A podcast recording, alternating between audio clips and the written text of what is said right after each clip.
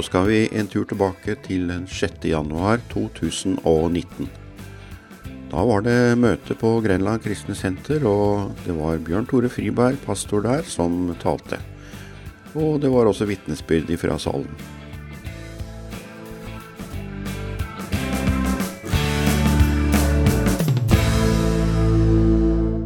takker deg, himmelske Far. Det er ingen som er over deg. Det er ingen, Herre, som er så mektig som deg. Altså bare priser vi og ærer deg i dag, Herre. Takker deg, Herre, for at vi får lov til å samles om ditt navn, Herre. Takk at vi får lov til å minnes, Jesus, det du gjorde for oss på korset. Jeg bare priser og ærer deg, Jesus, for du er oppstandelsen og livet.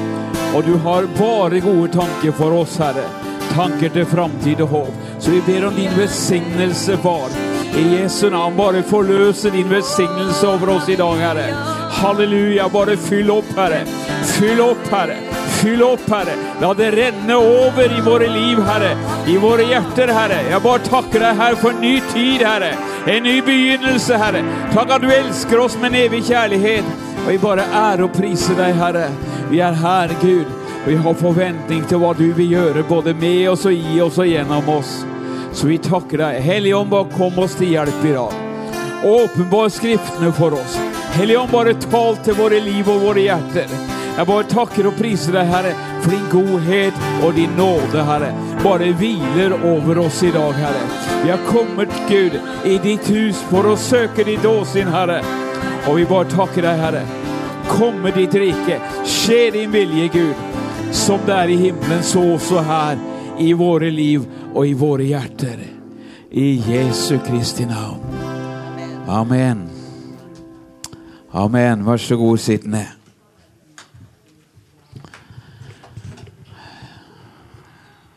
Det er jo fantastisk å kunne få lov til å møtes i Guds hus.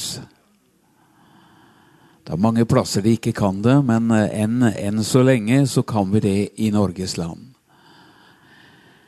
Eh, så vi er, vi er eh, utrolig velsigna.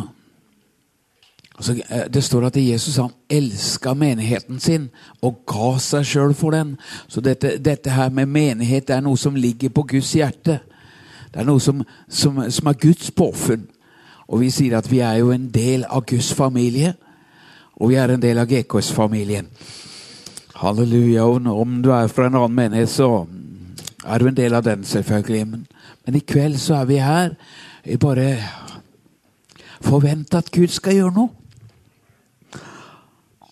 For der Jesus var, der skjedde det alltid noe. Halleluja. Der Signe er, der skjer alltid noe. Er ikke så, Signe? Det er Judith her, der skjer alltid noe, osv. Og, så og sånn er det med oss alle sammen. Det kan skje noe med oss fordi at vi er bærere av Guds godhet, vi er bærere av Guds salvelse, vi er bærere av Guds nærvær. Og Bibelen sier at vi er lys og salt i denne verden her sånn. Halleluja. Så der, og så står det det at Jesus har tatt bolig i våre hjerter. Amen. Så det betyr at vi er ikke bare mennesker. Vi er mennesker, men vi, vi har noe mer. Det er en skatt som er lagt ned i ditt og mitt hjerte. Og den skatten er Jesus. Og der Jesus var, der fikk folk møte. Fikk et nytt møte, kanskje. Fikk en ny begynnelse, fikk en ny start. Fikk lov til å legge av det gamle og få lov til å oppleve at Jesus gjorde noe i livene deres. Og vil du vil se hva som er Guds vilje, så se på Jesu liv og hans tjeneste. Hva han gjorde med mennesker. Han kom ikke for å fordømme eller forkaste mennesker, men han kom for å frelse og redde mennesker. Det er Guds plan, Guds godhet. Og, og, og mange av, av, dere som er her, får lov til å bevege dere i det. Kanskje alle sammen. Få oppleve at Guds godhet har fått lov til å flytte inn i, hjertene deres. Og det flyter over av godhet. Det flyter over av eh, medmenneskelighet. Det flyter over av overbærenhet osv. Det er noe av dette her. Det er Guds liv. Som eh, vi hørte her i stad, Geir fortalte om at det, det gamle mennesket ville jo ikke bøye seg innenfor Gud. Men det har skjedd et mirakel i våre liv. Halleluja. Vi har fått lov til å invitere Jesus inn i våre liv. Skjønte og forsto at vi trang Jesus. Uten ham så blir det dårlige greier. Men, men, med han så kan hva som helst skje. Eh, Terje fortalte her på torsdag at, at hun har hatt med seg dame her forrige søndag. Og ingen hadde bedt for henne, men hun hadde så smerter og plager at hun var så knapt kunne, kunne bevege seg. Eller ja, hun klarte å gå inn. Du måtte støtte. Eh, Terje får komme her litt, da. Hun forteller jo mye bedre sjøl enn en meg. Kan jo fortelle den historien. Ja, det er litt, litt spesiell sak der. Eh, hun dama sliter lenge. Hun var i bil, altså ulykke på motorsykkel og fikk skade i rygg og nakke. Og så har hun hatt vanskelig smerte, sverre an, altså ansamlinga av vann ved væske i ryggen som, som stråler ned i beinet. Og så skulle jeg komme hit, for så opptatt av GK, så jeg snakka mye om det. da. Sånn. OK. ok. Så det var avtalen. Hun skulle komme her søndag som var. Og kjørte nedover med mål at du skulle rekke med, med møtet her. Og så skulle jeg bare innom en stasjon og så fylle litt eh, diesel. holdt jeg på å si. Og da var lommeboka borte. Telefonen borte, så kjørte jeg tilbake til Hokksund. En times ekstrakjøring. Og da la jeg ut på E18 isteden og så kjørte Drammen, fra Drammen sin til Porsgrunn. Og håpet du rakk det møtet. Så sier jeg at eh, i så fall er det ikke noe farlig, du kan ta den annen. Det kommer flere, kommer flere møter. Nei, det er noe med møtet jeg vil hit nå i dag. Og hun rakk det i god tid. Kommer inn, jeg måtte gi hjelp og gå. Hun klarte ikke, for beinet svikter. Og som jeg sa, hun hadde så smerter at hun hadde møtt en narkoman og fått en sprøyte, så jeg tatt med en gang. som jeg sa. Så sitter jeg bare bak her, og så Bjørn Tore sier hvis det er noen som vil komme opp og bli bedt for, så kom. Og så tar jeg nå kan du gå opp, så kan du be på beinet. Nei, det, det torde jeg ikke. Så jeg satt der, og så kom Helligånden over deg, uten at noen, noen berørte deg. Og vi har bedt for at du skal bli helbreda, men her skjer et mirakel. Nå er det en uke siden. smertene alt er borte. Du skal på sjukehuset den 20., men det er også kansellert. Okay, så er helt fullstendig borte. Og, og en ting til som jeg også har bedt for. Hun røyker, røyker en god del. Så hun ville slutte sjøl, da. Hun har bedt for henne over tid. Og så du kom ned og spiste i møtet her var ferdig. da. Jeg måtte støtte deg for å drite deg full. Av Hellig Ånd. Hun skjønte ikke hva det var for noe. Måtte støle seg på biler. og det var helt... Man skulle ha seg røyk før vi ikke spiste. Et trekk så gikk hele Så hun kasta røyken fra seg. Og så Jo, hun har prøvd. Det har ikke vært helt, eh, helt klar, men det, et trekk så det, går det bare helt rundt. Så Gud har gjort noe med så hun skal miste den lysta på røyken der. Så vi kommer tilbake hit og veldig hilse oss til det, der. Tusen takk, Terje.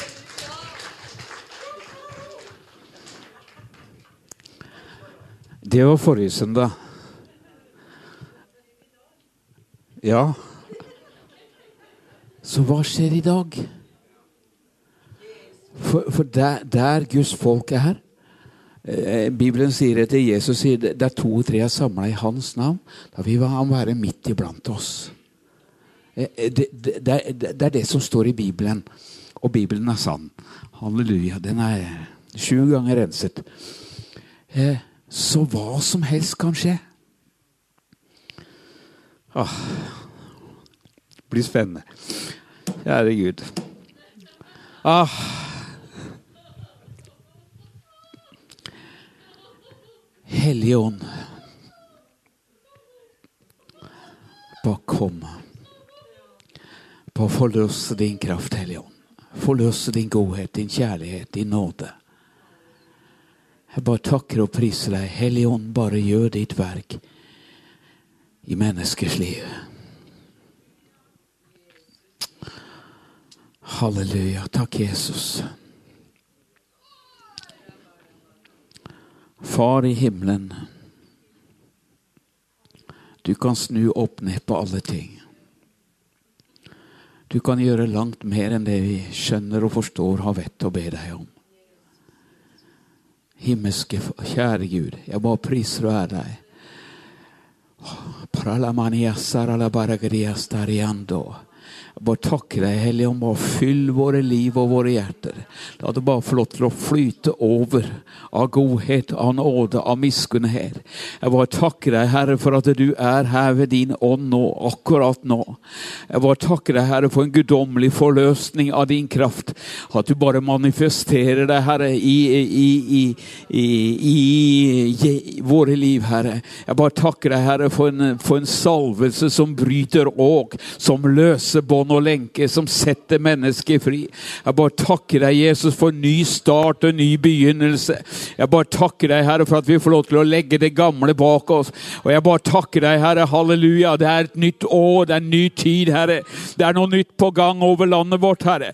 Og det er noe nytt på gang, Herre, for ditt folk også. vi takker deg, Herre, for alt det som har vært, Herre.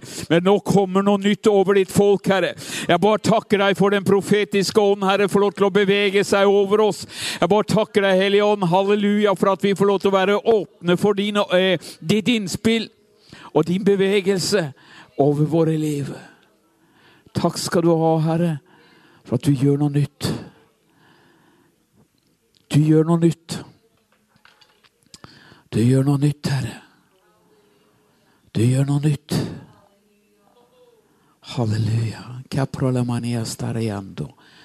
Eh. Jeg tror vi bare ber litt, ja. Far i himmelen, vi takker og priser deg. Shiriala bakarala baragaria sanda baragaria sikiriala margariando. Ribiriala manayakdiasto kopo poro la maniando. Brydiria la maniastara la bagariando. Helion, bare fyll dette lokalet med din herlighet. Bare kom, Helion, og berør eh, menneskene. Jeg bare takker deg, Helion, halleluja, for det beveger seg noe i våre liv og våre hjerter. Jeg bare takker deg, Herre, for, for, for Å, jeg bare priser og ærer deg. Helion, vi vet ikke hva vi skal skal si. Men bare gjør ditt verk, Hellige Ånd. Gjør noe nytt, Herre. Jeg bare priser og ærer deg, Herre, for syndens makt er brutt i Jesu navn, Herre. Jeg bare takker deg, Herre. Nå er det en forløsningens tid, Herre. Det er løftes et nytt år, Herre. Du har løfte for et nytt år, Herre. Du har noe for oss, Herre, i dette året vi går inn i, Herre. Og du har noe for oss i dag, Herre. Så jeg bare ærer og priser deg for din godhet og for din nåde. Takk skal du ha, Herre, for at all god god gave, og all eh, fullkommen gave kommer ovenfra. Fra lysenes far. Hos deg er ingen forandring, ingen skiftende skygge. Du er bare fantastisk imot oss, Herre. Og jeg bare legger resten av denne kvelden i dine hender. Eh, halleluja, Herre. Kom, Herre, med forløsning. Halleluja. Kibovora la mania sara la maniando. Reberia la maniasta capabara la bargriando. Oh, takk, Jesus. Takk, Jesus. Takk, Jesus.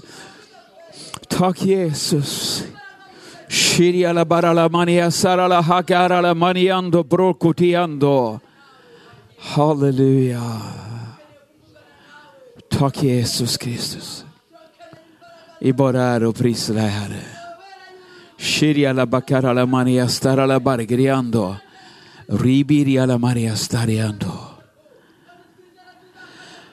Halleluja. Takk, Jesus.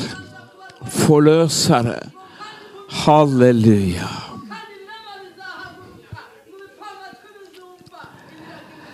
Halleluja.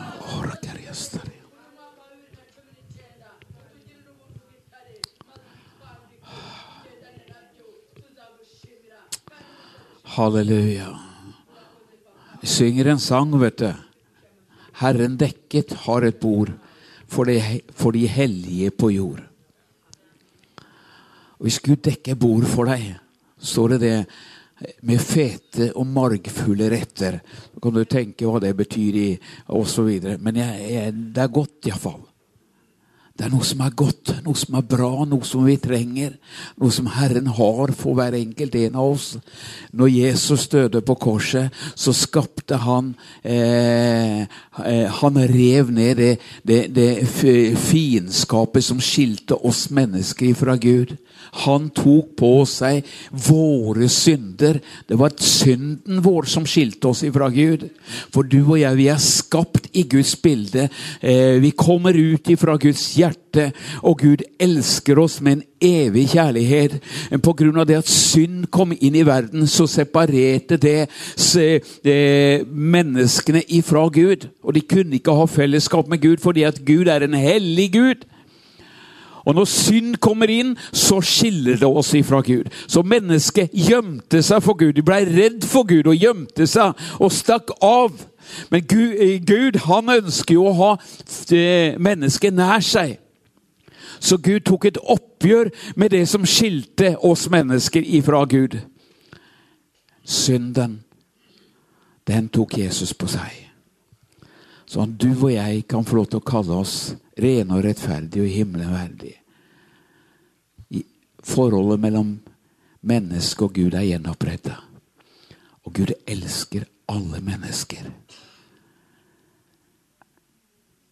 Og når ikke synd skiller lenger, så kan mennesker ha fellesskap med Gud. Og Det er det Gud lengter etter. Bibelen sier i Johannes 1,12 at vi, er, vi har blitt Guds barn. Vi har blitt født på nytt til et levende håp.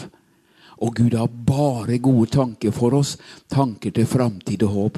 Det er Guds hjerte for alle mennesker. Gud vil ingen synders død. Men, han, men det han ønsker, det er at mennesker skal vende om og be om nåde og tilgivelse. Og når mennesker gjør det, så blir de gjenoppretta. Så blir, blir vi født på ny, som Bibelen sier. Og Vi får en ny start, en ny begynnelse. Faktisk, det gamle er borte. Se, alt har blitt nytt, sier eh, 1. Korinter 5,17. Så, så, så, vi er nye skapninger. Og når vi er nye skapninger, så har vi blitt Guds barn. Vi er ikke, vi hadde, vi er ikke bare adoptert, men vi er blitt Guds barn. Vi er blitt poda inn. Halleluja. Så Gud har en unik plan og en unik hensikt med hver eneste en av oss. Og han ønsker det beste for oss. Tror du at Gud er interessert i å stjele noe fra deg? Gud er interessert i å gi oss. Halleluja. Overøse oss med sin nåde og sin godhet. Det er Guds hjerte og Guds hjertelag for oss mennesker. Så noen tenker det at nei, nei, Eh, Gud vil bare ta. Gud er ute etter å utnytte oss. Men det er, jo, det er jo som å snu det hele på hodet. Gud er ute etter å velsigne oss. Gud er ute etter at du og jeg skal få lov til å være velsignet. Og første Johannes brev skriver det at jeg ønsker at du i alle deler skal ha det godt og være ved god helse. Det er Guds hjerte, noe av Guds hjerte. Hvorfor døde Jesus for oss? For at vi skulle komme til himmelen? Ja. Men det var ikke bare det. Det fins så mye, mye mer i den pakka der enn bare at vi skal komme til himmelen. Men det er, det er jo ikke bare det. Det er jo helt fantastisk. Det, menneskelig sett så er det komplett umulig. Men så sier Bibelen for ingenting er umulig for Gud. Halleluja. Og hvis ingenting er umulig for Gud, da kan jo hva som helst skje, da. Og Jesus sa, eh, når han ropte ut på korset, 'Meg er gitt all makt i himmel og på jord'. Og Det var det siste han sa når, før han reiste hjem til himmelen. Ja, På korset så ropte han ut 'det er fullbrakt'. Når han hadde samla disiplene sine og skulle reise hjem til himmelen, så sier han at 'meg er gitt all makt i himmel og på jord'. Og så kommer bare Guds kraft over ham, og, og, og, og han bare flyr opp i skyene. Kommer en sky og bare tar den vekk. Snakk om kraft! Halleluja. Snakk om oppstandelse! Snakk om liv! Snakk om å gjøre mirakler! Så skulle ikke Gud kunne helbrede og gjenopprette oss. Skulle ikke Gud kunne få lov til å lege oss? Halleluja. Jeg tror at ingenting er umulig for Gud. Og så er det vi som må koble på, da. Tro på det. Eh, og det er jo en utfordring for oss mennesker, for vi vil gjerne se først, og så skal vi tro. Hvis jeg bare får se, så skal jeg tro. Men Bibelen sier omvendt. Dersom du tror, så skal du se. Amen. Så da må du tro på det. Halleluja. Og det her, det er jo troens ord. Amen. Og troen kommer av forkynnelsen, og forkynnelsen kommer av Kristi ord. Amen. Så det skapes noe når du og jeg er samla i Guds hus. Når du og jeg deler Guds ord med hverandre, så skapes det noe i våre hjerter. Det skapes tro. Det skapes forventning. Og du skjønner at det, da kan hva som helst skje med hvem som helst. Ah, og nå er jeg langt ute på vidda av det jeg hadde tenkt å dele med dere. Men halleluja likevel. Jeg, for jeg tror det er noe i, i, i, i det nær, når vi kommer i sammen som kristne. Og, og, Jesus sa det, og Bibelen sier det, at, at når de kristne kommer sammen, så vil han være der. Og han er den samme i går, i dag, til evig tid. Og han sa til disippelen, gå ut, forkynn evangeliet. Og så står det at Og Herren virket med og stadfestet ordet med tegn og under og mirakler. Så Det var ikke disiplene som bekrefta de ordene de forkynte, men det var Herren sjøl som virket med. Amen. Er ikke han i himmelen? Jo, han er det. Men allikevel så våker han over sitt ord, og han fullbyrder det, står det. Så det var en skapende kraft som fulgte i disiplenes eh, fotspor når de forkynte evangeliet. Og det var ikke bare apostlene som gjorde det. Du kan, eh, du kan, se på Philip. Det ble en forfølgelse i Jerusalem, og Philip reiste ned til Samaria. og Der forkynte han evangeliet, og tegn og under og mirakler begynte å skje.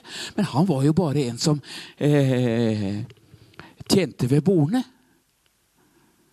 Han var utgått, han var full av Den hellige ånd og tro. Halleluja. Og, det var kriteriet for å tjene ved bordene den gangen. Full av Den hellige ånd og tro. Amen. Og vise gode gjerninger. Så da, da, da kunne du få lov til å være med og dele ut ved bordene. Men denne mannen kommer ned til Samaria og begynner å forkynne evangeliet. Og tegn og under og mirakler begynner å skje. Han var ikke en apostel, han var ikke en profet. Han ble en evangelist. Halleluja. Og han fikk lov til å oppleve det at han var en av de første som fløy. Han var det. Du hadde Elias òg, som tjuvstarta. Sier det i Gamle testamentet. Og så har du Enok også. vet du. Gud rykka han hjem. Så det, er, det, har, det, har, vært noen sånne opprykkelser. Og Det hadde jo vært herlig det om vi kunne bare flydd rett hjem den dagen vi reiser herifra. Eh, og det kan godt skje. For Jesus kommer igjen. Han skal hente sine, og vi skal rykkes i skyer opp i luften for å møte Herren. Og så skal vi for alltid være sammen med Ham. Åh, så vi har noe fantastisk i vente. Men mens vi er her nede, så har vi lyst til å være med og stille våre liv til rådighet for Gud. Gud, må du få lov til å bruke oss. Eh, og jeg er så takknemlig for alle de som er med i menigheten her, som tjener Gud med sine evner og gaver og talenter. Ikke bare åndelige, men praktiske gaver. I sammen så utgjør vi eh, GKS-familien, og vi får lov til å være med og gjøre Guds vilje med livene våre. Åh.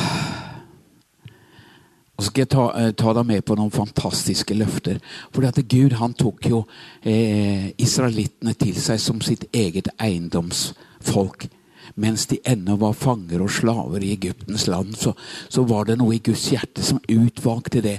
Og, og no, noe av det som, som, som, ligger Guds hjerte nær, det er de mennesker som sliter, som har det vondt, som har det vanskelig. Det står at Gud ynkedes inderlig over mennesker. Jesus ynkedes inderlig over mennesker og fikk nød for mennesker som hadde det vondt og vanskelig. Og så står det, det at det som ingenting er, det har Gud utvalgt seg for å vise, eh, gjøre de vise til skamme. Men Gud tok ut seg et folk, Israel. Fikk navnet Israel etter hvert. Og så ga han de noen lover og bud og regler som de skulle følge. Men også velsignelser. Fantastiske velsignelser. Han lovet i et løftesland som de skulle få lov til å innta. Der, der det var nok av det, det, det, fløt over Jeg har brukt et bilde. Det fløt over av melk og honning. Det var et fantastisk fruktbart eh, land. Det landet skulle de få. Så opp igjennom eh, skriftene, så ser du hvordan dette folket fulgte Gud, gikk med Gud, de opplevde besignelse. De ble, eh, var helt fantastisk. Og så går en tid også, går i sine egne veier, og så havner de ut i trøbbel og, og, og sånne ting igjen. Men eh, når Moses hadde ført dem ut av, av ørkenen og sto ved grensa inn til løfteslandet, så gir han dem eh, noen retningslinjer. Og Jeg har lyst til å bare ta det med for deg. Og det er helt fantastisk. I 5. Mosbok kapittel 28 så lover Gud noe til de som vil lyde ham. Fra vers 1, 5. Mosbok 28 fra vers 1. Om du nøye lyder din Guds røst og tar deg vare, sånn at du holder alle hans bud som jeg befaler deg i dag, da skal det skje. Herren skal sette deg høyt over folkeslagene på jorden, og alle disse velsignelsene skal komme over deg og nå deg hvis du lyder Herren din Guds røst. Og Vi hørte her i stad ble nevnt at lydighet var bedre enn offer. Offer er bra, men det, det lydighet, og det er det Gud ønsker. Han ønsker å ha et lydhørt folk, et folk som hører på ham. Et folk som, som elsker ham, og som følger ham. Og da kommer velsignelsen. De står i kø. Alle disse velsignelser skal komme over deg og nå deg hvis du lyder Herren din Guds røst. Og det er en betingelse. Hvis du lyder. Hvis du gjør. Velsignet skal du være i byen, i byen, og velsignet skal du være på marken. Velsignet være din livsfrukt. Grøden av din jord og det dine, det dine husdyr bærer avkommet fra ditt storfe og tilveksten til ditt småfe. Velsignet være din kurv og ditt deigtau. Den gangen så var det jo bønder, vet du. Men jeg kan, eh, kan jo oversette eh, Velsignet være din kurv og ditt deigtrau. Velsignet være din kjøleskap og din fryser. Velsignet skal du være i din inngang, og velsignet skal du være i din utgang. Herren gjør at dine fiender som reiser seg mot deg, skal ligge slagne rett foran ditt ansikt. På én vei skal de komme ut mot deg, og på syv veier skal de flykte fra deg. Herren skal byde velsignelsen og være i dine lagerhus og i alt det du legger din hånd på. Herren skal byde velsignelsen og være på kontoen din. I huset ditt, i hjemmet ditt. Herren skal grunnfeste deg som et hellig folk for seg, slik han har sverget for deg, hvis du holder Herren din Guds bud og vandrer på hans vei. Det er betingelser, men oppfyller betingelsen, så kommer velsignelsene. Da skal alle folkene på jorden se at Herrens navn er nevnt over deg. Wow. Da skal alle folkene på jorden se at Herrens navn er nevnt over deg, og de skal frykte deg. Herren skal gi deg mer enn nok av alt som er godt, ved din livsfrukt, ved det dine husdyr bærer, ved grøden av din jord i det landet som Herren sverget for dine fedre å gi deg. For deg skal Herren åpne sitt gode skattkammer, himmelen, for å gi ditt land regn i rette tid og velsigne alle dine henders gjerninger. Det står faktisk du skal låne til mange folkeslag, men selv skal du ikke trenge til å låne. Herren skal gjøre deg til hode og ikke til hale. Du skal bare være over og ikke ligge under hvis du lyder Herren din Guds bud, som jeg befaler deg i dag, og tar deg vare så du holder dem, så du ikke viker av fra noen av de ordene jeg befaler deg i dag, verken til høyre eller til venstre, og følger andre guder. Så det er enorme løfter, velsignelser. Og så kommer forbannelsene etterpå, da, men de kan du lese sjøl. Eh, ja. Det er hvis vi er ulydige, men jeg tror at jeg snakker til et, et, lydhørt folk i dag. Jeg tror jeg snakker til et folk som vil følge Herren, som vil gå på Hans veier. Og da slipper du alt det der andre negative, destruktive greiene. Fordi at Gud er ute etter å velsigne oss, ute etter å løfte oss opp. Halleluja. Han er interessert i å ære oss og velsigne oss. Og når hans tid, Moses' tid var over, så har Gud har eh, Moses hatt en læregutt, Josfa, som eh, skal ta israelittene inn i, inn i løfteslandet. Da, de, de, var helt på grensa. Nå skulle inn i løfteslandet. De hadde gått tråkka gjennom ørkenen i 40 år. Men også i de tørre periodene så fødde Gud dem hver eneste dag. Så fikk de oppleve forsørgning. Hver eneste dag så kunne de se på sine egne klær, på skoene sine. Ble ikke utslitt. I 40 år så gikk de sammen med de samme klærne. Eh, det er jo et mirakel.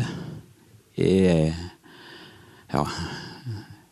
Men de fikk, de, de fikk se Guds fantastiske godhet også i de tørre årene der de vandra omkring. For de, hadde, de var ulydige, men allikevel så holdt Gud sin hånd over dem.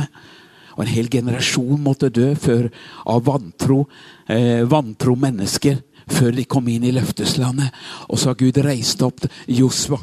Og så taler Gud til Josva, jeg har lyst til å bare nevne det for deg også. I Josva 1, vers 1. Etter at Moses, Herrens tjener, var død, skjedde at Herren talte til Josva, Nuns sønn, og Moses' medhjelper, og sa:" Min tjener Moses er død. Derfor skal du nå bryte opp og gå over denne Jordanelven, du og hele dette folket, til det landet som jeg gir dem, Israels barn. Hvert sted dere setter foten på, gir jeg dere, slik jeg sa til Moses. Alle løftene jeg har sagt til Moses, de er tilgjengelige også for dere. Fra ørkenen og fra Libanon og helt til den store elven, elven Eufrat, he, hele landet til hetittene og helt til storhavet mot solnedgangen skal landområdet deres være. Ikke noe menneske skal være i stand til å stå seg mot deg alle dine levedager. På samme måten som jeg var med Moses, slik skal jeg være med deg. Jeg skal ikke slippe deg og ikke forlate deg. Vær sterk og modig. For det landet som jeg har sverget for deres fedre at jeg ville gi dem, skal du skifte ut til arv for dette folket. Vær bare sterk og overmåte modig, så du tar deg vare så du gjør etter hele den loven som min tjener Moses bød deg. Så du gjør etter. Ikke bare hører, men gjør etter. Vik ikke fra den verken til høyre eller til venstre, for at du kan ferdes viselig over alt hvor du går. Denne lovboken skal ikke vike fra din munn men du skal grunne på den dag og natt, så du tar deg vare, så du gjør etter alt det som er skrevet i den. Så kommer det, for da skal du ha framgang på din vei, og da skal du ferdes viselig. Har jeg ikke befalt deg, vær sterk og modig. Vær ikke redd og bli ikke forferdet, for Herren din Gud er med deg overalt hvor du går. Herren din Gud er med deg overalt hvor du går. Det er jo fantastisk. Halleluja. Men eh, det, det, det, det, som er så fantastisk med dette, her, sånn, det er at Gud er trofast gjennom generasjonene. Han var ikke bare trofast mot Moses, men han var trofast uh, mot Josva. Han var trofast mot kommende generasjoner. Gud han våker over sitt ord, sånn at han fullbyrder det. Hvis du og jeg også, som er etterfølgere av Moses Halleluja, jeg er familie med Moses det visste du kanskje. Åh, jeg også blei dratt opp av vannet. Det gjorde vel du også når du døpte deg, tenker jeg. Men Gud er trofast. Hvis vi adlyder Herrens ord og hans befalinger, så vil ting hende med oss også. Så vil ting skje i våre liv også. Halleluja. Vi skal få lov til å være velsignet, og, og Gud skal være med oss overalt. Jeg tror at Guds folk kan få lov til å være så velsignet at, at de ufreste blir misunnelige. Som det står om eh, Isak i første Mosebok, kapittel 26. Kan du lese der? Han var så velsignet, han var så rik, at de ufreste ble misunnelige på ham. Halleluja! Ja. Å, kjære Gud. Ja, men skal vi ikke nøye oss med lite, da? Jeg må gjerne gjøre det for min del. Men jeg tror at Gud er interessert i å velsigne. At vi skal ha nok, mer enn nok. Overflod til all god gjerning, som det står i Bibelen. Overflod til all godt verk. At du og jeg skal få lov til å lykkes. Hva betyr det? At han skal velsigne våre henders gjerning. Hva betyr det? Jo, det må jo være at, at vi blir velsigna. Når vi gjør noe med våre hender eller, eller, eller, stiller oss til rådighet for Gud, så vil Gud velsigne deg. Halleluja! Han vil ikke holde deg nede, han vil løfte deg opp. Jeg har ikke noe tro på det derre at Gud er en gjerrig gnier. Jeg tror på at Gud er overflodens Gud. Jeg tror på overflod. Halleluja. Og Jeg tror at Gud vil velsigne oss. Og Det er ikke sikkert at vi, vi eh, tåler velsignelsene. Og det er en annen ting. Ja, Gud gir oss ikke mer enn det vi kan tåle. Men, eh, men eh, han er ikke dum heller. For hvis jeg blir oppblåst av de tingene Gud gir meg, da, da blir det dårlige, dårlig greier. Men når jeg var nyfrelst, fikk jeg kjøpt meg en, en ny bil, fire år gammel bil. da. Og jeg var så stolt av den. vet. Halleluja. Det var jo herlig, vet du. Ny bil, ung gutt. Par og 20 år. Men så skjønte jeg at da, da ble jeg høy på pæra. Nei, så, så, da måtte jeg snakke med Gud. Da, Gud, da klarer jeg ikke å takle det her, så får jeg heller selge den. Men det gikk greit, da. Men, men, eh, men, blir vi stolte og sånn, så eh, Det er ikke bra. Men, men at vi kan, kan, få lov til å takle det. Og Bibelen sier at hvis vi er tro i lite, så kan Gud sette oss over større ting. Så jeg, så jeg, jeg tror på det at Gud fostrer oss, Gud steller med oss. Gud vil eh, det beste for oss. Men hvis, hvis, han gir oss det beste, og det fører til ulykke, da er det jo ikke lurt av han å gi oss det. Da må, må, han heller vente litt til vi er modne. Og så kan vi skrike og hyle og være utålmodige da. Gud, hvor blir det av bønnesvaret? Jeg har bedt om en ny feit Mercedes osv. Kanskje du må kjøre Skoda. Ja, jeg hører noen protester her, da, men Det var en som begynte med Skoda, og nå har han fått stjerne på foran. Jeg skal ikke nevne navnet han gir.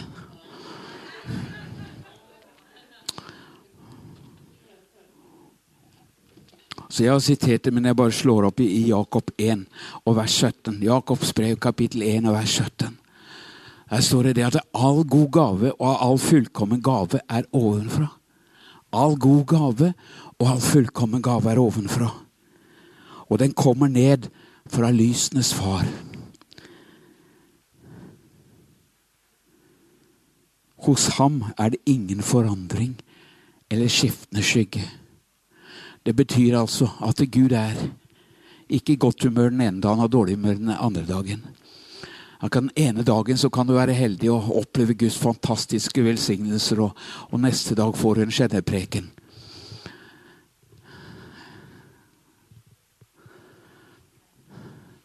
Vi er barn av, av Gud.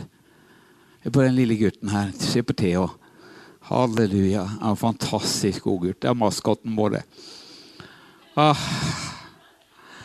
Han er mer ivrig enn de fleste. Og når Daniel eh, hadde lovsangen her, var 14 dager, 14 dager siden, eller bare forrige uke Theo var den som var mest vill av de alle sammen. Han hoppa og dansa og rista. All god gave og all fullkommen gave er ovenfra. Hos Og den kommer ned fra lysenes far. Hos ham er det ingen forandring eller skiftende skygge. Og så nevnte jeg Johannes 1,12 at vi er barn av Gud. Men så mange som tok imot Jesus, dem gav han rett til å bli Guds barn, den som tror på hans navn. De er født ikke av blod, heller ikke av menneskenaturens vilje, heller ikke av manns vilje, men av Gud. Så har du tatt imot Jesus som din frelser og herre, så er du barn av Gud. Amen. Halleluja. Universets skaper og herre er din far. Amen. Du vet at det, i, her i denne verden her, så er det litt viktig å være født inn i, i, i rett familie. Jeg har visse fordeler for enkelte og, og bak, bakdeler for andre. Men, men, eh, du kan ikke få en bedre far enn Gud. En Gud som elsker oss med en evig kjærlighet. Han har ikke bare masse penger eller sånne ting. eller, eller sånt. Men har et hjerte for hver eneste en av oss. Elsker oss med en evig kjærlighet har en god plan og en god hensikt med oss. Og jeg, sa, jeg siterte Matteus 28, 18. Meg er gitt all makt i himmel og på jord, sa Jesus. Han er din bror, din storebror. For så høyt har Gud elsket verden at han ga sin sønn den enbårne. For at hver den som tror på ham, ikke skal fortapes, men ha evig liv. For Gud sendte ikke sin sønn til verden for å dømme verden, men for at verden skulle bli frelst ved ham. Så det, det er Guds hjertelag for oss. Så ikke tenk at Gud er ute etter å ta deg, trykke deg ned osv. Langt derifra. Han er interessert i å løfte deg opp. Og Jesus sier i Lukas 4,18.: Herrens ånd er over meg fordi Herren har salvet meg til å forkynne evangeliet for de fattige. Han har sendt meg for å løse de bønne og sette plagede mennesker i frihet. Og forkynnet et nådens år ifra Herren. Så Det var Guds hjerte gjennom Jesus Kristus. Og så står det om våre bønner når vi, du og jeg ber. vet du så ber vi jo ikke ut i løse lufta, men i Lukas 11 Vi hadde bønnemøte her eh, eh, før møtet begynte i dag også. Nå, og Vi kommer en gjeng i sammen, og det er plass til flere. Vi, så, så, er vi samla her en time før møtet. Så ber vi. Be for møtet, be for møtelederne, be for musikere, sangere, teknikere. Eh, eh, alle slags medarbeidere og be for de som kommer her. Og vi er med på å rydde også vei for de som hadde tenkt seg på møte. Og så er det ting som dukker opp. Og det kan skje spesielt med nyfrelste mennesker. At det er ting som dukker opp, og så prøver å hindre. Få fokus vekk, sånn at du gir opp og ikke kommer på møte. Men det er typisk djevelen, og da, da går det an å snu det tilbake. Istedenfor å sette seg hjemme, så tenker jeg wow, hva er det Gud har for meg i dag? Som gjør det så interessant for djevelen å dukke opp på døra mi og lage trøbbel for meg og min familie. Nei, du din jævel, under mine føtter i Jesu navn. Jeg skal på møte. Å, i Jesu navn. Halleluja, jeg skal på møte. I Lukas 11, ifra vers 9. Derfor sier jeg dere, be, og det skal bli gitt dere. Let, og dere skal finne. Bank på, og det skal bli åpnet opp for dere. For hver den som ber, han får, og den som leter, han finner, og den som banker på, skal det bli åpnet opp for. Amen. Så det å være litt utholdende, eh, om du ikke får bønnesvar akkurat med en gang, men vær utholdende i bønn. Halleluja. Bare, bare fortsett å, å, å, å søke Gud. Bare fortsett å minne Gud om løftene. For du, du, og jeg vi har en motstander som vil prøve å holde bønnesvaret borte fra oss. Som Daniel opplevde når, når Daniel ba og fasta. Så ropte han til Gud om visdom og forstand, og så går det 21 dager før han får bønnesvar eller før Herrens engel kommer ned. Og da sier Herrens engel det at jeg hadde sånn motstand i åndeverden, sånn at erkeengelen eh, Gabriel måtte komme ned og hjelpe meg. Så noen ganger så kan det være motstand. Fienden ønsker ikke at du skal få bønnesvar. Han ønsker at du skal miste motet og gi opp og, og tenke at nei, det nytter ikke allikevel. Det er det fienden prøver å, å, å gjøre. Få deg motløs, få deg ned og så er det over. Halleluja. Men våre følelser kan få det til å svinge livene våre. Men den, så står det det at i Bibelen at men den som har et grunnfestet sinn, han lar du alltid ha fred. Så, så, det å få lov til å bli kjent med Guds ord, sånn som, som Moses opplevde, sånn som Josva fikk beskjed om Ta denne bokrullen her, spis den grunn på den dag og natt. Og det er noen eh, som er veldig opptatt av 'Herre, nå trenger jeg et ord'. Og så har Gud gitt deg en hel bibel, vet du. Ah, ja, det er herlig. Halleluja. Herregud. Det er herlig med et ord, altså. Det er fint. Men du har jo en hel bibel, da. Du kan slå opp og lese sjøl. Må ikke det at noen skal gi deg et ord. Halleluja. Slå opp sjøl og les sjøl. Åh, kjære Gud. Også fra vers 11. Hvem av dere som er far og som har en sønn som ber om brød, vil gi ham en stein? Eller om han ber om en fisk, vil gi ham en slange i stedet for fisken? Eller om han ber om et egg, vil han da by ham en skorpion? Og så sier Jesus, det er faktisk Jesus som sier det, hvis da dere som er onde, vet hvordan dere skal gi gode gaver til barna deres, hvor mye mer skal da deres himmelske Far gi Den hellige ånd til den som ber ham? Altså, Gud, Gud ønsker ikke ah, Herregud. Hvis da dere som er onde, sier Jesus, vet å gi barna deres gode gaver, hvor mye mer skal da deres himmelske Far Gi gode gaver til dem som ber, eller gi Den hellige ånd til dem som ber. Og, og, og hvis Gud er så god som det jeg sier, så er det jo bare helt fantastisk.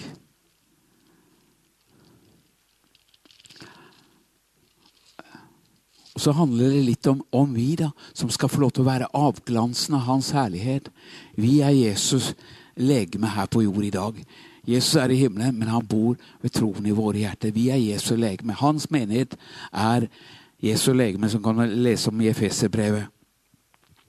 Men i eh, Kolossebrevet kapittel 3, fra vers 12, så står det som Guds utvalgte hellige og elskede, må da dere ikle dere inderlig barmhjertighet og godhet, ydmykhet og sakmodighet og langmodighet, så dere bærer over med hverandre. Og tilgi hverandre hvis noen har en klage mot en annen, slik Kristus tilga dere. Slik skal også dere gjøre. Men framfor alt dette må dere ikle dere kjærligheten, som er fullkommenhetens bånd. Og la Guds fred få lov til å råde i hjertene deres. Den ble dere også kalt til i én kropp, og vær takknemlige. La Kristi ord bo rikelig i dere, i all visdom, slik at dere underviser og formaner hverandre med salmer og lovsanger og åndelige sanger, og ved nåden eh, synger i deres hjerte for Herren. Og hva dere enn gjør i ord eller gjerning, gjør alt i Herren Jesu navn, og takk Gud Far ved ham. Alt dere gjør i ord eller gjerning, gjør det alt i Herren Jesu navn. Så det å få lov til å være med og tjene, eh, tjene Gud, tjene i en menighet, få lov til å eh, være et medmenneske. Gjør det alt i Herren Jesu navn. Så En annen plass så sier Bibelen det at det, det du gjør, gjør det av hjertet, som for Herren, og ikke for mennesker. For det om vi hjelper mennesker, gjør det for Herren. Halleluja. I, på arbeidsplassen din, gjør det for Herren. I ekteskapet ditt, gjør det for Herren. Eh, eh, blant venner, familie, gjør det for Herren. Vær et levende vitnesbyrd der du går og ha noen frukter i livet som er Kristi evangelium verdig. Sånn Jesus var, sånn skal også vi være i denne verden her. Ja, men det går jo ikke, Bjørn Tore. Alt er mulig for den som tror. Selvfølgelig så er det en vei for oss alle. Jeg har vært frelst i 38 år. og eh, jeg har lært en del på, på, på, på, min vei. Og det er ikke alltid alt, alt selvfølgelig har gått på skinner. Vi har gått på trynet, noen av hver kanskje, mange ganger. Men da er det nøkkelen er å ikke bli liggende, men å reise seg opp igjen. Be om nåde og tilgivelse. Herre, må du hjelpe meg. Jeg vet ikke hvor mange ganger jeg har bedt den bønnen. Herre, hjelp meg. Jeg er fortvila. Jeg har svikta, jeg har bomma, jeg har gjort feil. Så jeg er ikke feilfri, men jeg er tilgitt. Jeg er ikke feilfri, men jeg er tilgitt. Og sånn er det med deg også. Vi gjør feil, men det går an å si 'Herre, vi får hjelpe meg igjen'. La meg få lov til å reise meg opp igjen. Nøkkelen er å reise seg. Det er alltid en ny sjanse hos Gud. Men han ønsker å jobbe med oss, sånn at vi blir bedre og bedre og bedre. Halleluja. Det, det, det, det, som var en utfordring for oss i fjor, det, kan vi ha seier over i år osv. Fordi vi, vi har fått lov til å gå en vei med Gud. Gud har fått lov til å jobbe med oss, Gud har fått lov til å forme oss, Gud har fått lov til å slipe oss. At vi skulle være overbærende med hverandre. Bare det er jo en utfordring. Det, det, Eh, tenke det beste om de neste. Ja, Kjære Gud, osv. Men det, det, det, er, Gud som jobber med oss. Vi er ikke, vi er ikke et ferdig produkt ennå. Vi er ikke et glansbilde. Vi er på dreiskiva, eller vi er i prosessen. Gud jobber med oss. Han knar oss, han elter oss, han former oss, han danner oss. Han prøver å knuse klumpene i livene våre, sånn at vi kan få lov til å gi Gud rett. For det er det som er utfordrende. Det var det som var utfordrende med israelittene. De gikk sine egne veier. De visste hva som var Guds vilje. Allikevel så tok de feil valg, og så havna de uti det. Hvorfor havna de uti det? Var det det at Gud ikke var glad i dem? Nei, men de gikk bort ifra Guds velsignelse, bort ifra Guds beskyttelse, sånn at fienden kunne attakkere dem. Og det er det som gjør hvis vi går bort ifra Gud. Så blir vi skyteskive for jævelen. Vi, vi har vært det hele tida. Men den som holder seg nær til Herren, skal Herren holde seg nær til. Så det fins en guddommelig beskyttelse. Og Derfor Jesus sa, eller, eller Paulus skriver det også at hold dere ikke borte fra deres egen forsamling, sånn som noen har for vane. Hvorfor skrev han det? Var det fordi han var irritert på de som holdt seg borte? Nei, jeg tror at Paulus han elska dem. Og visste det, at de fikk mye mindre problemer og vanskeligheter hvis de holdt seg i menigheten. Det er en beskyttelse i dette her sånn. Er ikke sant? Så, så, så, det å få lov til å ha dette fellesskapet, eh, få lov til å slipes til, med, med, hverandre og til hverandre Det vet jeg at eh, Ja. I et ekteskap så, så slipes vi. Eh, er du aleine, så kan du slipes da også, da, men uh, du vet, vet at uh, Nei, den skal jeg ikke ta. Men, men, men, er du sammen med andre, så har du noen å bryne deg på. Det er ikke alltid du får vilja di. Og det handler om å gi og ta.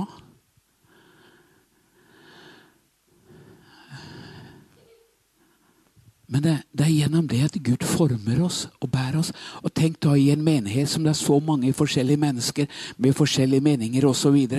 Eh, med forskjellige egenskaper, og, og, noen setter pris på det ene og noen det andre. Men, men her står det her som Guds utvalgte og hellige og elskede, må dere ikle dere inderlig barmhjertighet og godhet og ydmykhet og saktmodighet og langmodighet, så dere bærer over med hverandre og tilgi hverandre hvis noen har en klage mot en annen, slik som Kristus tilga dere. Slik skal dere også gjøre med dem. Jeg hadde en far som var eh, ikke alltid grei med, med, oss.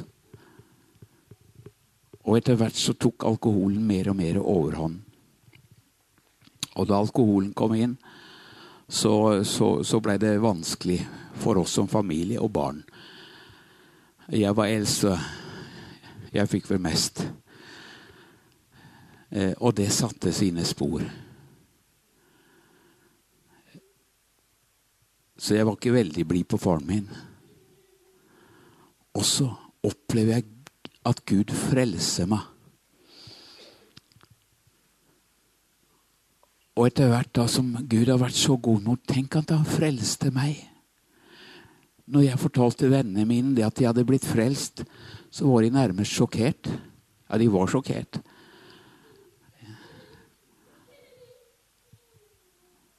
De hadde aldri trodd det, at jeg skulle bli en kristen. Men jeg blei det. Fikk møte Jesus og blei forvandla.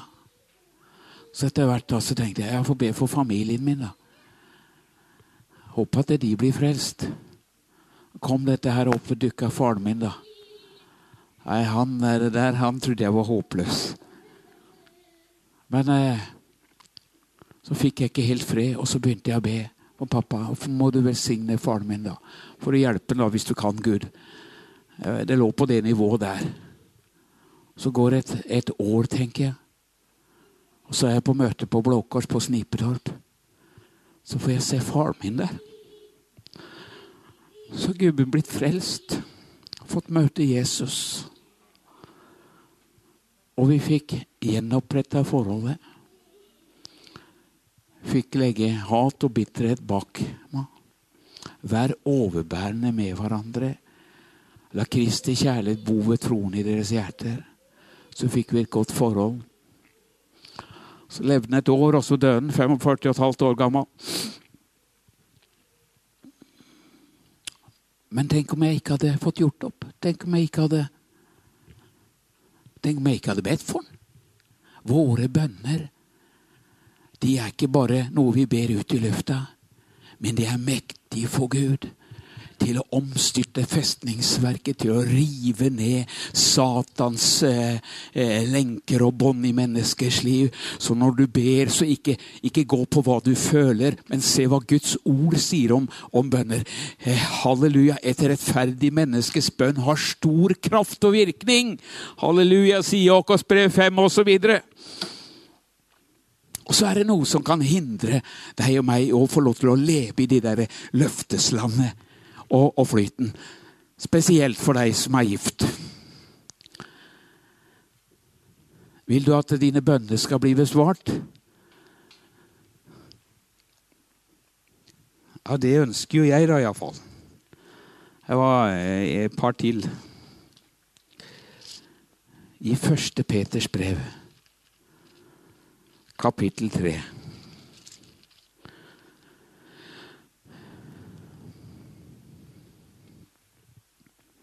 Første Peter 3 og vers 7. Dere ektemenn, på samme måte skal dere leve sammen med forstand. Idet dere gir konene deres ære som det svakere kar og som medarvinger til livets nåde, for at deres bønner ikke skal bli hindret. Ah, står det i Bibelen? Kan det ikke være Kunne det ikke vært andre veien, da? Det har vært mye enklere.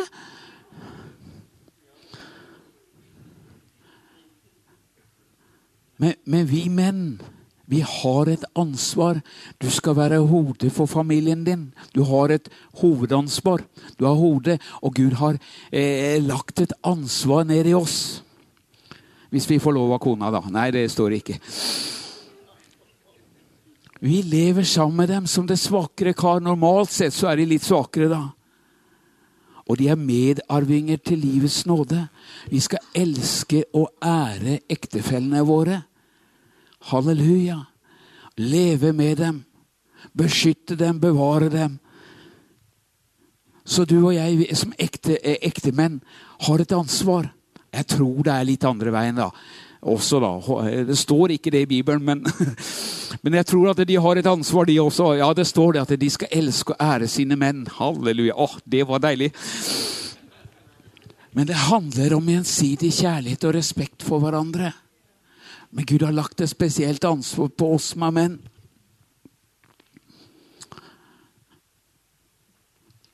Vil du at bønnene dine skal bli hindret? Nei. Aldri i verden!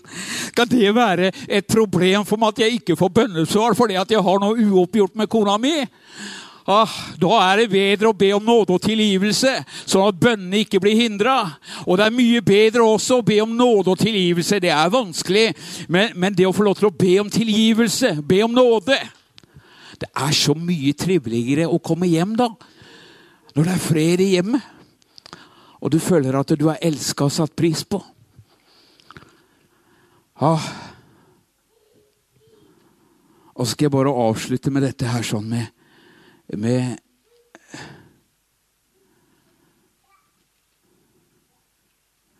Galaterne 6-7. Galaterbrevet kapittel 6 vers 7. La dere ikke forføre, for Gud lar seg ikke spotte. For det et menneske sår, det skal han også høste.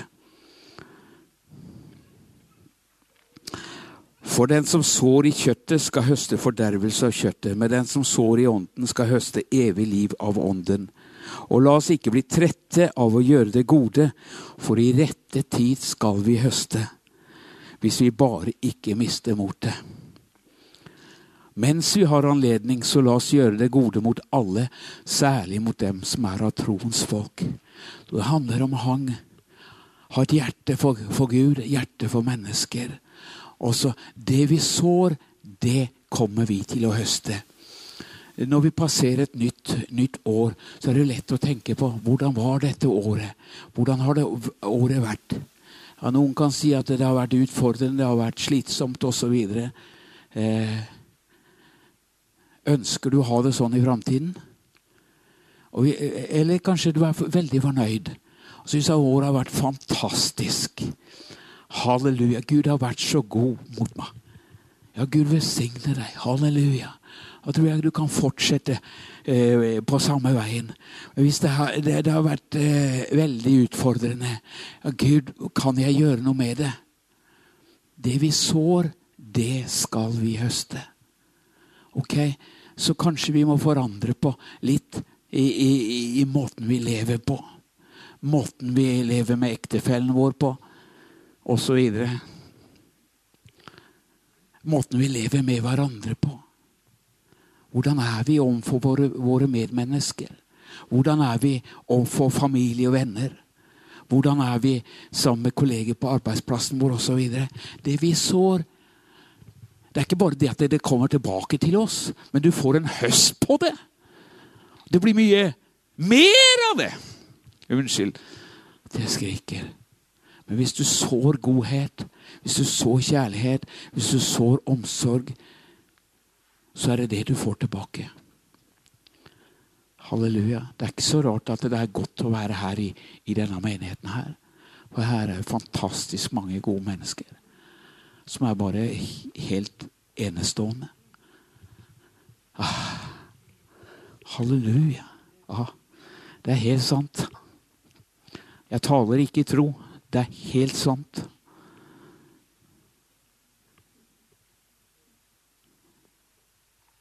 Og så er det noe som Mariann var inne på. Sånn, hun har gitt seg ut av fattigdom. Du vet, Mange ganger så står vi her oppe og skal ta inn offer og hellige gaver, som vi ser. Og, og, noen ganger kan det være en sånn eh, litt ekkelt, litt eh, belastende. Å, skal de mase om penger nå igjen, osv. Det, eh, vet du hva? Det handler ikke om det i det hele tatt. Det handler om at de som leder møter her, som, som forkynner evangeliet her, de ønsker at du og jeg skal ha det godt.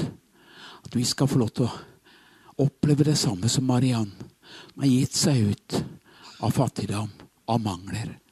Og få lov til å være en av støttene i menigheten i dag.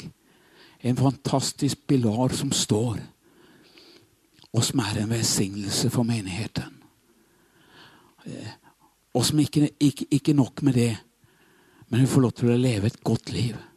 Kjenn Gud, jeg er med på å gjøre en forandring i GKS.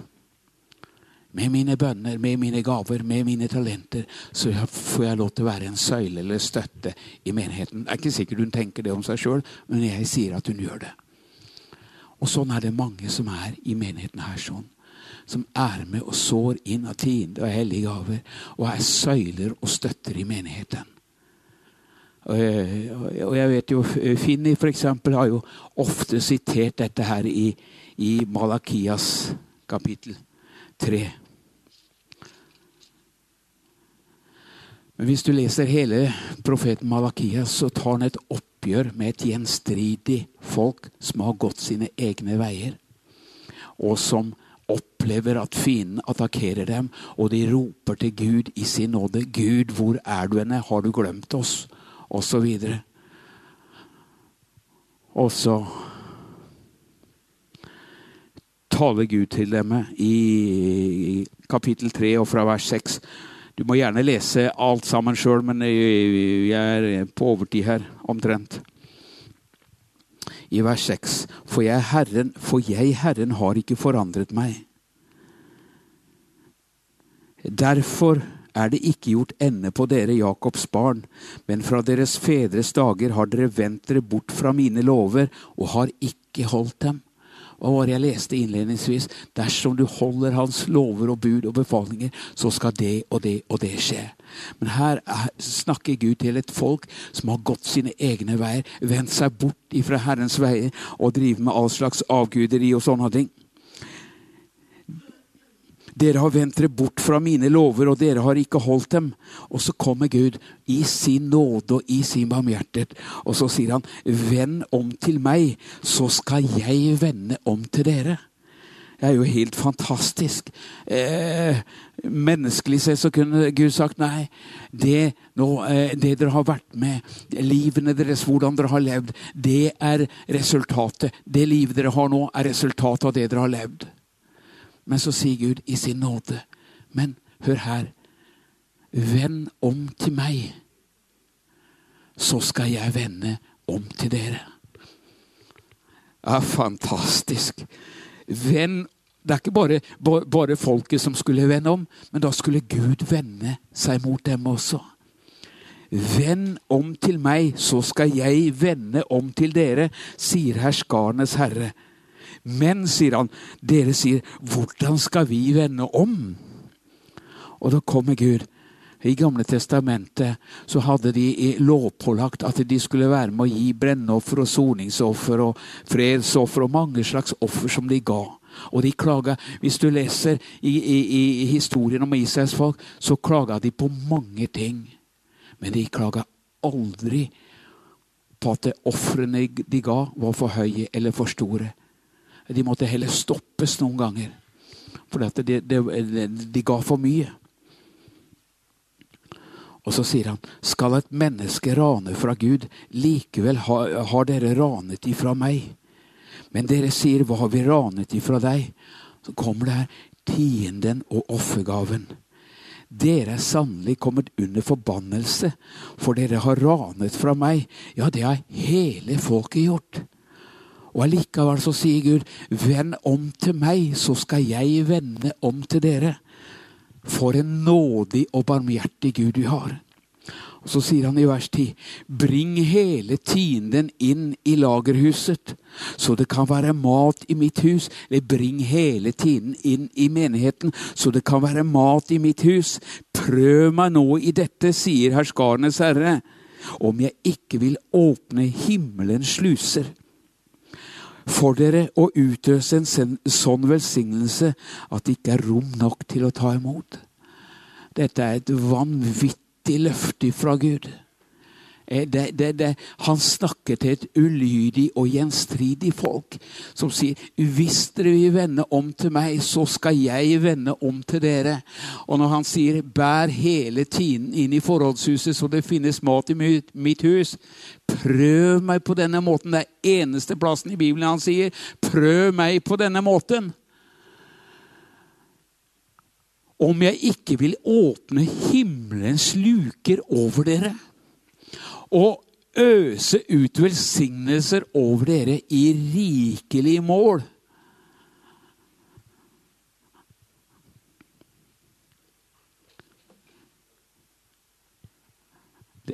Hvis det får lov til å synke ned i livet ditt, i hjertet ditt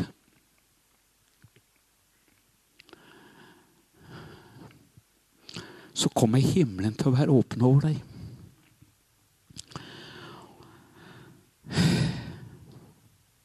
Og han sier det, og jeg skal øse ut en slik velsignelse over det, dere at det ikke er rom nok til å ta imot. Det betyr at du må utvide. Det betyr at du kanskje må kjøpe større leilighet.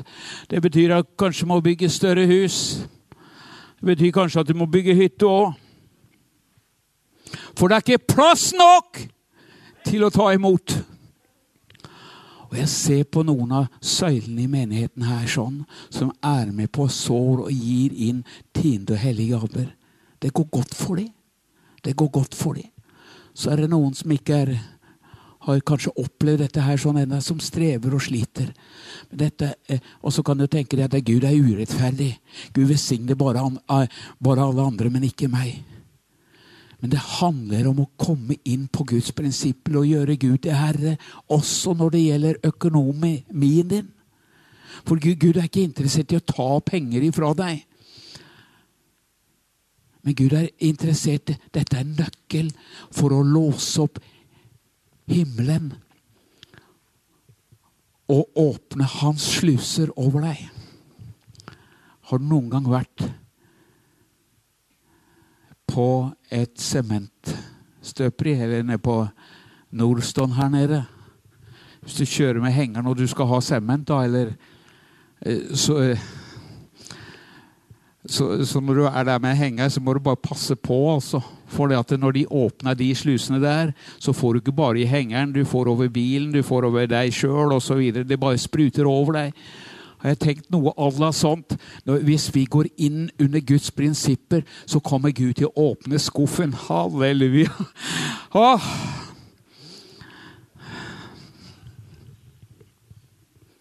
Det er det det handler om. Og så dette her Jeg må bare, bare få lov til å eh, gjøre meg ferdig med dette her. Det tar litt tid, men det går fint.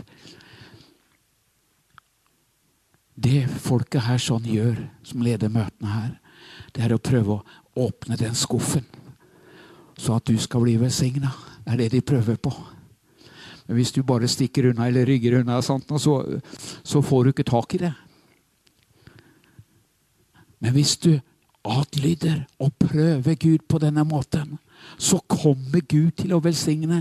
Og det, er, og, og det verste av det Nei, ikke verste, det var feil ord å si. Eh, det beste er ikke Det handler ikke om bare økonomi. Men se her. Jeg skal true den fortærende gresshoppen for deres skyld, den som åt opp avlingene til bøndene, vet du så den ikke ødelegger jordens grøde for dere, så den ikke ødelegger inntekten din eller inntektskilden din. Vintreet på marken skal ikke mangle frukt for dere, sier herskarenes herre. Og alle folkeslag skal prise dere salige, for dere skal være det herlige landet, sier herskarenes herre. Halleluja. Så, uh, så Gud er, ønsker å velsigne oss. Og det er mye bedre å gi 10 til Gud og beholde 90 og få Guds velsignelse over livet sitt. Ja, men det går ikke eh, opp med mine budsjetter og mine regninger. Det var en som sa det. Han, eh, han satte opp et budsjett, så han hadde trang økonomi. Og så hadde han svigerfaren sin til å se over budsjettet. Han var en sånn bankmann. Og så ser han over dette her, og så ser han tiende. Og så sier han til svigersønnen sin at det tiende, det har du ikke råd til å gi. Så sier svigersønn, svigerfar, jeg har ikke råd til å la være. Det har kommet mat på døra mi. Det har kommet ved på, eh, på husveggen min. Jeg har opplevd Guds velsignelse og Guds favør. Jeg har ikke råd til å la være. Ja, ok, da, sa svigerfar. Og jeg tror det noe det handler om det her er å teste Gud. Jeg sa det for noen år siden at eh, hvis, noe, hvis du prøver Gud på dette området her. Og hvis du kommer i knipe, hvis du gir et år, hvis du sår inn et år, og hvis det kommer til desember, og du opplever det at Gud ikke har velsigna deg, så kom tilbake til oss, så skal vi betale deg tilbake. Det kom ingen. Skjønner det at Gud han er bare ute etter å velsigne barna sine. Så dette med tiende hellige gaver, det er bare en sånn test for oss. Tjener vi Gud, eller tjener vi oss sjøl? Å, jeg vil tjene deg, Gud. Halleluja. Det er så enkelt og lett å si, vet du. Men det å få lov til å være noe for noen og bety noe for, no for noen andre, det å få lov til å være med og velsigne, det forandrer hele livssituasjonen din fra å være innadvendt og egoistisk. Så ønsker du å tjene Gud, så vil du se det ene miraklet etter det andre skje. Jeg kunne fortalt deg haugevis av mirakler som har skjedd i Judith og Mitzes liv opp igjennom årene. Vi har vært frelst i 38 år. Men Gud har vært fantastisk god imot oss. Og det har alltid vært nok. Aldri mangla brød. Til og med den gangen som vi sto overfor dette valget om å gå inn som pastorer i Grenland Kristne Senter i 1997. Som jeg jobbet som byggmester, tjente masse penger. Og så kommer Gud og taler til livene våre. Vi visste, visste, om det, for Gud hadde lagt et kall ned på livene våre. Og vi visste at det kom forandring. Og i løpet av den høsten så ble det en forandring. Seks måneder før seks, syv, åtte måneder før så kommer en profet til menigheten vår. Og så plukker han ut meg, og så sier han sånn og sånn og sånn. Du står overfor forandringer. Du har et hyrdekall, og Gud har kalt deg. Og det kommer forandring i livet ditt. Og det kan se ut som den forandringen eh, eh, Det valget du gjør nå, er et dårlig valg sånn økonomisk sett. Eh, men hopp ut i tro, og jeg skal multiplisere min velsignelse over deg. Så, og, og inntil i dag, 21 år, 22 år, 21 år så har vi ikke sulta. Og vi har mer enn nok til å klare oss. Vi er åpne for mer, selvfølgelig, men vi får lov til å være til velsignelse. Vi har prøvd dette her og ser at det fungerer. Gud er god. Han har velsigna oss, og vi har fått lov til å være med og være til velsignelse for iallfall noen mennesker. Men, og, og så har jeg sagt dette. Det eneste vi får med oss til himmelen, det er sjeler. Men det er ikke sant. Det er sant, men det er ikke hele sannheten. Fordi at det hver eneste god gjerning som du gjør for dine medmennesker, for menighet Det du gjør mot en av mine minste, sa Jesus, det har du gjort imot meg. Tida di, gavene dine, det at du hjelper noen, det at du bryr deg om noen, det at du ber for mennesker. Du skal få lønn. Halleluja. Du skal få lønn. Du skal få lønn. Åh. Ikke nok med det. En dag når Jesus kommer for å hente sine, så står det og hans lønn er med han. Åpenbaringen 22, 6. Ja, les sjøl. Du skal få lønn for det du har gjort. Her nede lever vi 70, 80, 90, kanskje 100 år. Noen kanskje lenger enn det også. Men det er som en røyk i evigheten. Den lønna du får hos Jesus, den kommer ikke til å bli borte. Du skal få lønn for det du gjør her nede. Halleluja. Og Bibelen sier at den som har tro i lite, han skal Gud sette over større. Og det er, det er, en sånn Gud tester oss. Men som det står, at det, den prøvde tro er, er mer kostbar enn forgjengelig gull, sier Bibelen. Det sier Guds ord. Så hold fast og fortsett å tjene Gud. Fortsett å gjøre gode gjerninger. Ja, men eh, vi blir ikke frelst av gode gjerninger. Nei, men du skal få lønn for det du gjør. 22.12. Åpenbaringen 22.12. Så det å få lov til å Være overbærende med hverandre, være barmhjertig med hverandre. Heie på hverandre, elske hverandre. Ikke trykke hverandre ned, men få lov til å være med og løfte hverandre opp. Det, er, det blir bare fantastisk. Og er du ensom, er du alene, så har du en fantastisk familie i Gekos Som er bare helt enorm. Som er helt enorm. For et hjertelag.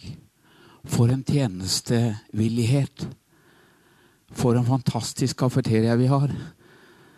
Halleluja. For et fantastisk lederskap. For en fantastisk kone jeg har. Mange ganger så har jeg vært sliten og trøtt. Så kommer jeg opp her, og så er det reine propellen. Jeg skjønner ingenting. Mange ganger har jeg vært sliten. Mange ganger har jeg vært trøtt. Og så kommer jeg opp her, så møter jeg mine brødre og mine søstre. Så ber vi sammen. Så blir jeg oppmuntra, så blir jeg glad. Så får jeg nytt mot og ny styrke. Så ikke hold, ikke hold dere borte. Vær nær. Kom, besøk, oppsøk menigheten. Ja, men jeg er så sliten, jeg er så sjuk. Også i de periodene som jeg hadde det steintøft, og vi som familie hadde det steintøft, så valgte vi å gå til menigheten.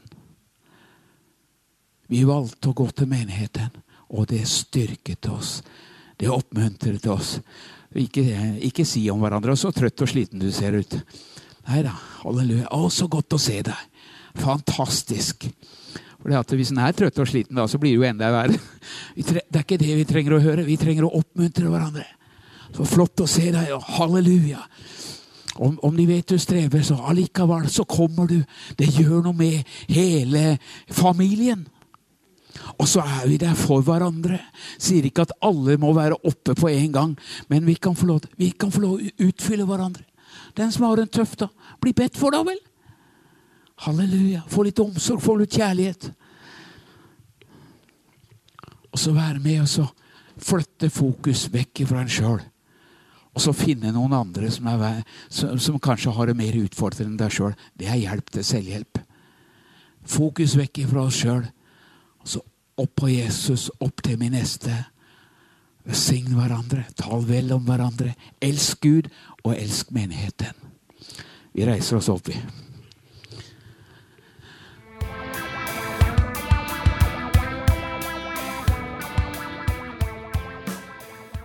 Da var vi kommet til veis ende i dette møteopptaket.